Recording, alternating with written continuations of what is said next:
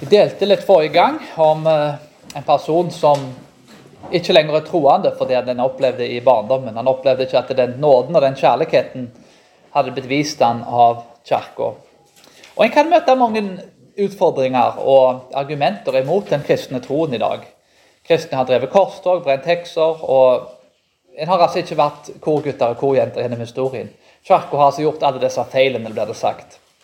Nå er det mange svar som en kan gi på alle disse tingene. Og nå er det jo også sånn at Når en institusjon har eksistert i 2000 år, så, vil jo den institusjonen ha gjort noen feil.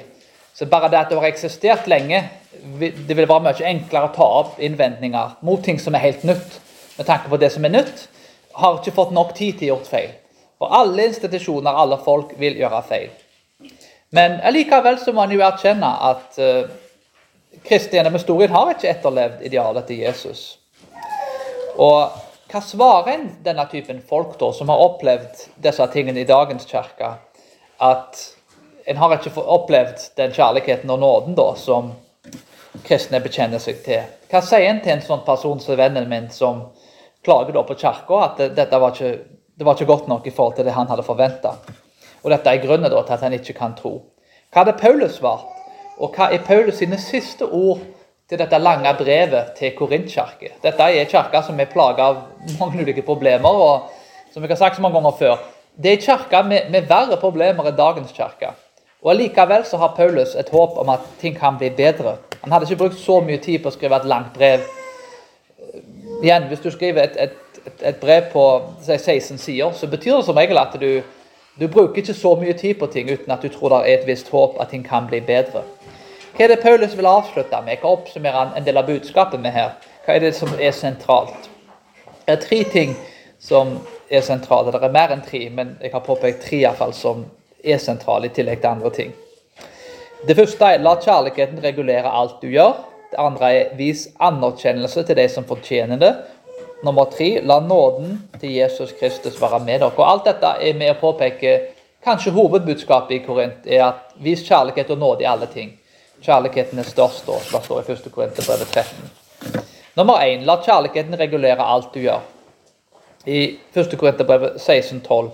Når det gjelder vår bror Apollos, har jeg inntrengende bedt ham til å reise til dere sammen med brødrene. Han var på ingen måte villig til å reise nå, men han vil komme når han får tid til det. Det har altså vært en manglende enhet i Korint. Det har vært et stort problem. Vi vet at noen likte Paulus, Kephas, Apollos, altså Peter. Ehm, og det var et problem at alle hadde sine favorittforkynnere. Eh, ikke så ulikt kanskje i dag. Forskjellen i dag er at vi har tilgang til forkynnere fra hele verden. Og, det hadde de jo ikke på den tida på samme måten. da. Så de hadde jo tilgang til andre forkynnere, men, men, de hadde altså ikke en iPad eller en, en, telefon da, som de kunne sette på øret. Deler av kirka virker altså å ta problemer med Paulus. Paulus var likt av noen, men mislikt av andre, sånn som det ofte er. Paulus ville dempe denne interne stridigheten med og Han påpeker at jeg vil at Apollos skal reise til Korint. Og Med å si dette så viser han at Apollos er ikke en konkurrent til seg sjøl. Altså, Paulus mener ikke at Apollos er en konkurrent. Han er en medarbeider. De er brødre i Kristus som jobber for å bygge Guds kirke. Paulus sådde, Apollos vanna, og det var Gud som gir vekst. Det er Guds menighet, og Gud gir vekst til menigheten. Paulus og Apollos er to instrumenter som Gud velger å bruke i denne prosessen. prosessen. Og det som er tingen her, er at eh, det krever ofte ulike folk for å bygge ei kirke. Paulus og Apollos var nok folk med forskjellige typer begavelser, forskjellige personligheter. Men begge to hadde veldig viktige bidrag for å bygge opp kirka. At Apollos ikke var villig til å reise, viser kanskje her at han ikke ville komme i veien for Paulus. Og Det viser faktisk en stor ydmykhet for hans del. Han ville ikke komme i veien for Paulus. For han ville jobbe i lag med Paulus, ikke imot ham. Og Hvis det var en sånn intern stridighet i menigheten, ikke blant Apollos og Paulus, så ville det vært veldig enkelt at hvis Apollos kom på likt som Paulus, så hadde folk kanskje kommet til Apollos og klagd på Paulus, og kanskje motsatt. Og prøvde kanskje å sette dem opp imot hverandre. Men, men Paulus og Apollos jobba i lag om ting. De, de jobba for samme menighet og ville bygge opp Guds kirke i lag. Og Det er en fascinerende ting med, med Paulus spesielt her som han skriver. Men vi vet med Paulus at han er den mest lærde, og kanskje også den, ja, den som har fått mest av Gud. Men i Bibelen så opplever jeg han kanskje som den mest ydmyke. mannen, iallfall i Nye Testamentet. Og Det er en veldig fin ting å, å identifisere kirka med det som Gud gjør, og ikke det en sjøl gjør. Og jeg vet at Ofte kan pastorer, og kanskje spesielt kirkeplantere, kan identifisere kirka med seg sjøl. Kirkeplantere i vårt kirkesamfunn har et rykte med at de, de planter en så dør de i den kirka. Og når de er 90 år, så er det kanskje på tide å pensjonere seg. Så, så av og til så blir folk litt for lenge da, i kirkene som de planter. Det er nesten som en som et barn som, som, de nekter på en måte å, å la gå på egen hånd. Så, så en, en, blir kanskje i kirka i ja, kanskje 60-70 år. da. Så det, det, det, er ikke en uvanlige ting. da. Så Det er en del morsomme historier der. på en måte, der en da, og, og, det er jo noe med det når en, når en, når en bygger opp noe, så, og så identifiserer en det med seg sjøl. Og til tross for at en har gjort mye godt, så, så er det òg en tid på, på å la ting gå. Men kirka tilhører ikke Paulus, men tilhører Gud. Og Paulus vil at ulike folk skal være med og bidra til å bygge denne kirka. Paulus begynte nå, mens andre fortsatte. Og Det er jo ingenting galt med å fortsette å være en plass lenge, men, men for Paulus da, så var hans oppgave Han hadde jo ikke familie og barn, så det gjorde nok litt enklere for han da, der han da kunne gå videre til neste ting, uten at han var bonden da, av å tenke på hvor barnet skulle gå på skole og ja, utdannelse så vel som andre ting. Så det hadde en større frihet kanskje enn folk flest hadde. Men hans oppgave var å flytte fra plass til plass og være med og plante menigheter så vel som andre ting.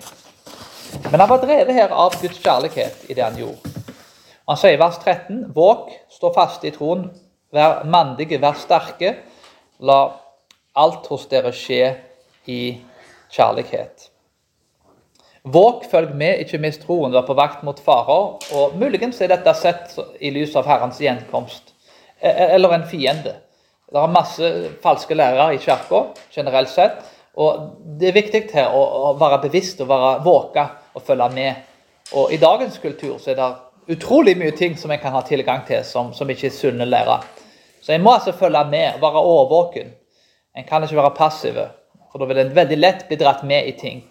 Eh, det er et uttrykk som heter 'den døde fisken som lar seg gå med strømmen'.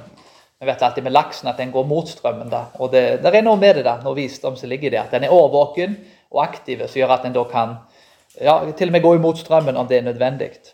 Vi skal stå fast i troen, vi skal stå istedenfor å falle, være stødige. Det handler om hva som blir trådd, og selve aktiviteten av det som blir trådd. Innholdet i det som blir trådd, og bevisene for det som blir trådd, er viktig og sentralt her. En må stå fast i ting, men en må stå fast i noe som er verdt å stå fast i noe som er sant. Så Det er viktig å evaluere det en står fast i. En kan stå fast i feil ting, og det er ikke alltid bra å stå fast, men hvis en står fast i gode ting, og sanne ting og bibelske ting, så er det en bra ting. Det skal være mandige i oversettelsen her. Være sterke, eller en oversettelse på gresk, er oppføre seg modig. Det handler om å vise styrke i troen, at en holder, holder ut til og med når ting blir vanskelig. Eh, vi tenker ofte på at ja, det, det kan være tøft og utfordrende, men du må huske på at Paulus ble torturert, skipsforlist. og De første kristne, de kanskje 340 årene, hadde det mye verre enn oss. Og Det er oppmuntrende ting for meg å tenke på, at uh, den verden vi lever i i dag, er, altså, den er mye enklere å leve i, både sosialt og fysisk. Folk flest mister ikke fem av ungene sine før de er 30 år i dag. og Det har de gjort gjennom mesteparten av menneskets historie. Uh, det var ikke medisiner som kunne fjerne smerte og så vel som andre ting. Det var ikke Paracet på den tida. Så, så, i dag så er det det er mye enklere å leve i dag. Eh, men, men samtidig da, så er vi jo vant til at det skal være sånn. Dermed da, så, så, er vi kanskje mindre mottakelige for vanskelige ting. Men det er oppmuntrende å tenke på at uh, ting er ikke så verst egentlig sammenlignet med mange andre land i dag. Kristne som har kirkene sine brent ned, som blir forfulgt, og, og hvordan det var i Romerriket. Det betyr ikke at vi, vi, skal glede oss over alt som skjer, men vi må ha en positiv holdning at det er en, en del gode ting som eksisterer òg. Og Det siste her Paulus sier, er at eh, la alt skje i kjærlighet. La alt hos dere skje i kjærlighet, sier han. Tidligere nevnte Paulus at kjærligheten gleder seg over sannheten, og det er det sentrale budskapet i brevet. 1. brevet 13. Og, om problemene i Korint skal bli løst. Vi vet at det er saksmål, ekte- og hustruforhold ektemann- og hustruforhold, av de svake med kunnskap, nattverdsproblemer, feil tilbedelse og mangel på kjærlighet. Alt dette er mange av de problemene som Korint hadde. Og kjærligheten vil løse mange av disse problemene. Om alt det en gjør, blir gjort i kjærlighet, så kan det bare med forebygge en del problemer. Det betyr ikke at alt blir løst, men en del ting blir løst. Kjærligheten er lovens oppfyllelse, og han regulerer alt. Men når det er snakk om kjærlighet, så kan en bli veldig forvirra. For dagens kultur er veldig gode på å snakke om kjærlighet. Kjærligheten her er underlagt den bibelske sannheten om alle ting. Eh, kjærligheten i dag, som mange tror, er løsrevet fra alt. Vi vet jo at Beatles sa at uh, 'all you need is love', altså alt du trenger, kjærlighet. Men Beatles tok altså helt feil. Det er en fin sang, og ikke alle som er veldig flinke å synge, er like reflekterte teologisk. Uh, I dette tilfellet da, så var Beatles egentlig stor for en kjærlighet. Ja, Fri sex, ingen krig. Og, altså det, det, var en, en selvutslettende kjærlighet. Hippierevolusjonen som de var med å lede, var med og egentlig lede oss til der vi er i dag. Der mange da tror at menn kan føde barn. Og Det er en kobling mellom det som begynte på 60-70-tallet, og hvordan ting er blitt nå. Igjen, eh, De har mange fine sanger, Beatles. Jeg kan gjerne høre på sangene fordi de har dårlig teologi. Men, men, det de sto for, var en sjølutslettende kjærlighet. Ja, alt du trenger, er kjærlighet, men, men, det må være den rette formen for kjærlighet. En kjærlighet som regulerer alt, som er bundet av de bibelske budene, instruksjonen, prinsippene og sannheten. Først når kjærligheten eksisterer innenfor en bibelsk form, så oppnår han sitt sanne potensial. En, en, en, illustrasjon som kan fungere her, er en flamme. Eh, jeg fyrer mye i stua, eller stuen, så det er et litt uvanlig uttrykk. men uh, så Jeg fyrer med en del. Og den flammen den må isoleres i en peis. Da får jeg varme ut, og jeg kan teknisk sett til og med jeg kan lage mat faktisk og grille ting. Eh, eller varme opp ting iallfall på, på, ved stekepanna. Men, men tingen her er at uh, flammen er god. Han gir oss varme, og han gjør at vi kan lage mat. Historisk har flammen vært en svært viktig ting for å varme opp hus og for å sørge for at folk kan ha mat. Men hvis, hvis du tenner et bål midt i huset, eller til og med eh, tenner et bål i et tørt gress i skogen, så kan du brenne opp skogen, og du kan brenne opp huset ditt. Så flammen er fantastisk, men han er òg ekstremt destruktiv. Så Når du bygger en peis rundt den, så har du isolert de negative kvalitetene som flammen har, og bevart det som er positivt. Du vil at flammen skal slippe ut varme uten å brenne opp huset ditt. I dag så, er det sånn med kjærligheten som en flamme. Det blir som en, en ild i tørt gress. Den er blitt selvdestruktiv. Kjærligheten i dag er rett og slett blitt en ting uten rammer, uten grenser. Uten en peis rundt seg som er med å forhindre de destruktive kvalitetene. Så det, det er blitt en sjølutslettende ting. Og det er ikke den kjærligheten som Paulus er med å peke på. Paulus vil at kjærligheten skal eksistere innenfor gitte former og rammer. Og det er den kjærligheten. Når, når, vi går inn i Bibelen og ser hva er kjærlighet, og når Guds instruksjon får være med å definere hva kjærlighet er, da får vi den rette forståelsen. Så det er viktig at vi Kjærlighet er viktig, men, men må òg glede seg over sannheten. Og Kjærlighet og sannhet går ved siden av hverandre. De er ikke motstridende ting, men de går ved siden av hverandre. De står i spenning til hverandre, men, men, de utfyller hverandre helt perfekt.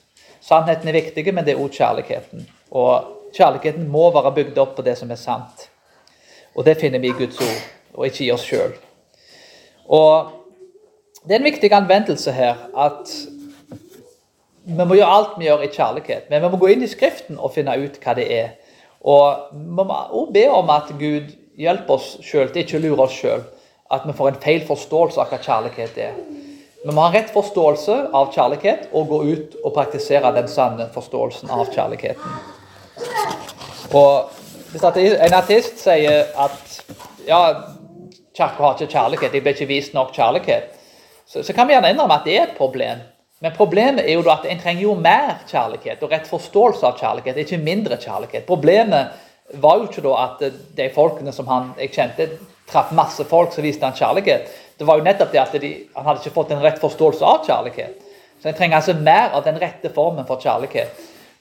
Og det er det som er svaret. Med andre ord, jeg trenger mer av Jesus og mer av Bibelen, ikke mindre av det. Beklageligvis konkluderer folk det motsatte, når de egentlig burde gått og henta maten fra den egentlige kilden. At folk praktiserer ting feil, er ikke et argument for mer feilpraktisering, men heller mer rett praktisering. Og Det bringer oss til det andre punktet. Vis anerkjennelse til de som fortjener det. Vers 15-16 så formaner Paulus brødrene. Dere kjenner Stefanus hus, at de er førstegrøden i Akia, og de har stilt seg til tjeneste for de hellige. Også dere må underordne dere slik som dem, og for hver som hjelper, og strever. Hjelper til å streve. Mye tyder på at Stefanus var lederen i kirka, at han var kilden til informasjon om kirkas tilstand. Mye tyder på at Stefanus var en god medarbeider med Paulus. Og Han var omtalt med svært varme ord, og Paulus hadde et veldig godt forhold til ham. Han var en av de første som konverterte Stefanus. og Det er mulig å vite hva husholdningen innebærte, men kanskje to voksne medlemmer, Fortutanus og Akaius, var slaver eller frie som bodde i huset. Stefanus hadde tjent menigheten på mange måter, gitt opp sin egen tid og egen, egne midler. Og kanskje til og med vært med undervist og forkynt i, i visse sammenhenger. Vi vet ikke alle detaljene og akkurat hvordan det var, men jeg kan gå ut ifra at det virker som dette er tilfellet. En skal altså vise ærbørighet og underordne seg lederskapet. Det er altså ikke snakk om en undertrykkende holdning her, men en underordning til en person, da, Stefanus, som har tjent forsamlingen, og som har gjort positive ting.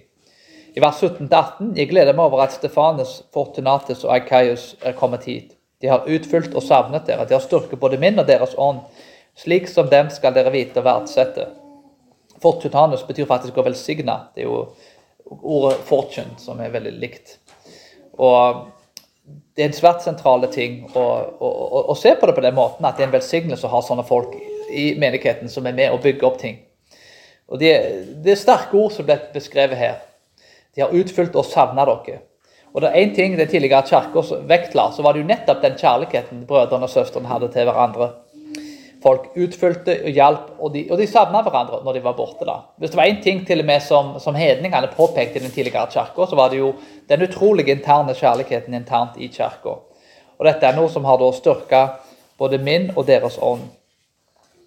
Det er en forenende ånd over budskapet til Paulus. Et nådefull ånd der en skryter av andre og bygger opp de positive kvalitetene, og en verdsetter hverandre. Og Det er veldig viktig med dette å, å verdsette. Og Det er en veldig vanlig ting i menighetsarbeid at en, en, en blir utbrent. Når jeg studerte på teologisk seminar, så var det ja, jeg tror opptil 75% av folk ble utbrent. Kanskje etter en del år, da. Det er mange grunner til det. Pastoren min i Taiwan ble faktisk utbrent. Og Sånn er det med mange jobber en har utenom. En, en kan bli utbrent. En kan bli lei av jobben, en kan bli utbrent i jobben. Uh, en kan bli utbrent som, som far og mor. Kan, det er mange roller i, i livet som en, som en, kanskje ikke føler seg verdsatt i, og som en kan bli utbrent.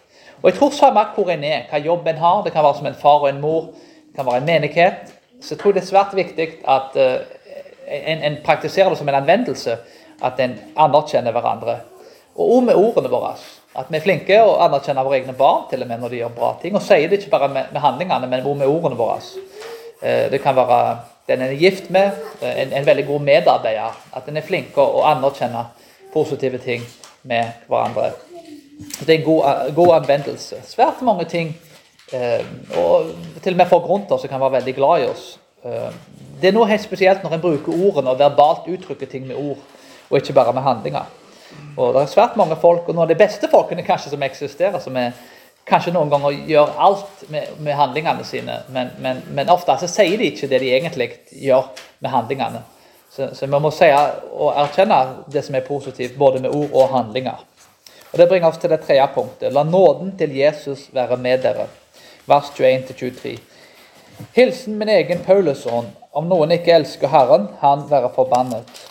Herren Jesu nåde være med dere, med kjærlighet til alle Jesus Kristus. Paulus hadde skrevet dette brevet med egen hånd. Og igjen, Det hadde vært fint om Paulus hadde sagt i alle brevene sine at ja, Paulus, det var jeg som skrev dette. Det hadde gjort arbeidet mye lettere for de som forsker på, på hvem som skrev brevene. Lange, kompliserte debatter om hvem som egentlig skrev brevene. Hadde Paulus satt navnet sitt på det, så hadde det kanskje vært litt enklere. Men det er nok som sannsynligvis Paulus som har skrevet mer enn en tror. Men uh, det skal jeg ikke gå inn på nå, da.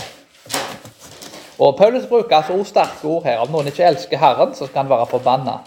Det kan menes med å ekskludere folk fra ulike ting her. Men sannsynligvis så handler det mer om de som ikke følger instruksene i brevet, eller som avviser evangeliet. Det som har sagt at jeg tror ikke på det som står i Skriften. Kanskje det var gnostikere som, som hadde et helt annet evangelium. Galaterbrevet 1.8-9 henviser til en lignende situasjon der Paulus stiller spørsmål hvem som har forheksa forsamlingen. For Paulus handler dette om lydigheten og helligheten til Gud. Den som elsker Gud, følger Hans bud. Og kjærligheten til Gud var det som mangla i Korint. For ekte kjærlighet ville lede til ekte lydighet mot Jesus sine bud. Så Det er en svært viktig ting å huske på. og Det virker jo på en måte som de hadde litt kjærlighet, og det var det folk som hadde. Men, men, men når en kjærlighet blir uten rammer, og uten grenser, og uten hellighet, så, så, er det egentlig ikke kjærlighet. Det er en, en kjærlighet som ender opp med å oppnå akkurat det motsatte enn han er ment til å oppnå. En kjærlighet som ødelegger, og ikke som bygger opp. Vers 23. Paulus viser til nåden til Jesus Kristus, som er med dem. De trenger ikke være forbanna, men kan leve i Jesus' nåde. Paulus leverer en siste hilsen om kjærligheten til Jesus Kristus. Poenget er at folk bør leve i nåde, at denne nåden er det som driver folk til et hellig liv og til å følge Jesus Kristus. Og Det er noe med dette å, å være minnet på den viktige sannheten at når en har vært i gått i kirka i lang tid, så, så, kan en ofte bli, komme, bli mer etablert. Det var kanskje en bortkommen sønn en gang tilbake, men en er nå kommet tilbake. Eller kanskje en alltid har vært i kirka uten å ha gått ut. Men, men, uansett så er det en viktig ting å huske på. Jeg, vet, jeg har sagt det mange ganger før, da, men, men det er den sannheten om at kirka er et sykehus for syndere og ikke et museum for helgener. Det er altså en plass der syndere kommer og, og får ta del i Guds nåde og fellesskap og Hans evangelium. Så Vi er like syndige som alle andre, men, vi er tilgitte syndere.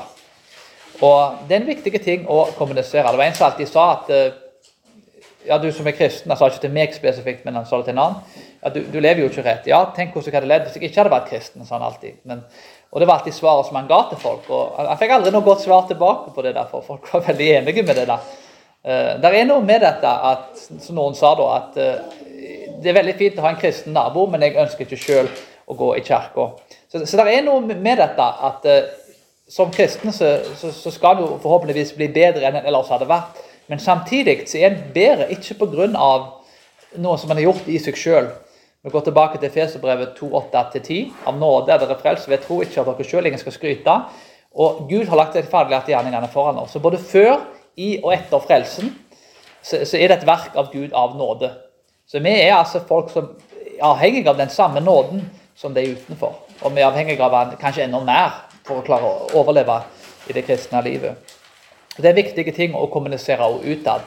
At vi, vi, vi, er ikke bedre, vi er egentlig folk som anerkjent at vi er verre. Og, og, og, Det er en ting som i veldig stor grad er med å, å gjøre folk mye mer mottakelige for å ta imot evangeliet. En av de, Hovedkritikken mot kirka er jo det at vi, vi er selvrettferdige, og, og, noen ganger er det tilfellet, og noen ganger er det tilfellet i mitt liv. men det er en viktig ting å, å, begynne med det. og Evangeliet handler om at vi frelste syndere altså trenger Guds nåde. Og Det er nok ikke tilfeldig at Paulus avslutter med dette budskapet.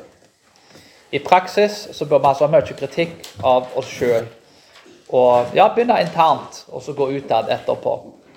Og vise kjærlighet og nåde i alle ting. Fordi at det, vi har fått den store kjærligheten som Jesus ga oss. Vi har fått den nåden som han har gitt oss. Og det er et fundament og et grunnlag som går ut i etterkant. Og Det er veldig jo, altså det, er et godt svar da, til folk som er utenfor. Som jeg nevnte det en gang. Ja, så Hvis du ikke liker kirka, så, så, er du i veldig godt selskap når du, når du, leser Jesus. Du bør lese om Jesus, for han likte heller ikke de religiøse folkene på sin tid. Han ble korsfesta av både romerne og jødene. Men han ble altså korsfesta fordi han, han, han utfordra både det religiøse og det, verdslige lederskapet. Så, så, det er ikke alltid sånn at det går bra med, med, med, med de som, som, påpeker viktige sannheter. Så, men Jesus er en utrolig tiltrekkende person for, for, folk i alle greiner. Det var en som sa i Amerika en gang at det, det var mange som ikke likte kristendommen, alt dette, men alle likte Jesus. Han var en fin fyr. Kanskje de ikke trodde ikke han var Gud, men, men han var en fin fyr. Så, så En veldig god ting Jeg bare oppmuntrer oppmuntre folk. Les evangeliene og, og, og se liker du Jesus. Som en anvendelse her, da. Og Når folk leser om Jesus, så sier de en utrolig nåde til tollere og syndere. Det er den nåden som blir manifestert i hans liv. Og En kan ikke unngå å bli påvirka av det. Guds ord vender aldri tomt tilbake. Og Med det så vil jeg bare oppsummere veldig kjapt. La kjærligheten regulere alt du gjør. Vis anerkjennelse til de som fortjener det. La nåden være med dere. Og Alt dette er med å oppsummere hovedbudskapet som Paulus påpeker. Og Kanskje som kan sies å være avslutningen her i Korintbrevet. Dette er den siste talen i Korint. Vis kjærlighet og nåde i alle ting. Og Hvis de hadde gjort det fra start av i Korint, så hadde de kanskje ikke hatt alle problemene som de hadde. Og Det da betyr at den kjærligheten som de praktiserte, var ikke kjærlighet. Det var en selvutslettende og destruktiv kjærlighet. Men den kjærligheten som er bibelske, den, den leder til gode ting. Korint var ødelagt av synd, men kirka hadde potensial til å være et lys på en veldig mørk plass. Veldig viktig at det var en menighet på denne plassen. Det er som dagens Las Vegas eller New York, kanskje. Fundamentet var uansett Jesus Kristus. Det er han som gir nåde, det er han som er fundamentet. Og det er hans nåde og kjærlighet som var blitt gitt korinterne, og som er blitt gitt oss. Og Det er dette som gjør at vi skal følge hans bud. Ikke fordi at å følge budene gjør oss selv rettferdige, men fordi vi er blitt rettferdiggjort av å følge budene. For vi er blitt rettferdiggjort som et resultat av å følge budene. Det ble veldig feil. Eh, vi er altså ikke frelst av å følge lovgjerninger, men av nåden og kjærligheten til Jesus Kristus. Vi har fått nåden, og en død Messias oppsto for våre synder. Og Derfor så kan vi gå ut med hans kjærlighet til en verden som trenger han sårt. Og med det så vil vi be om at nåden og kjærligheten til Jesus Kristus skal være med oss i alle ting.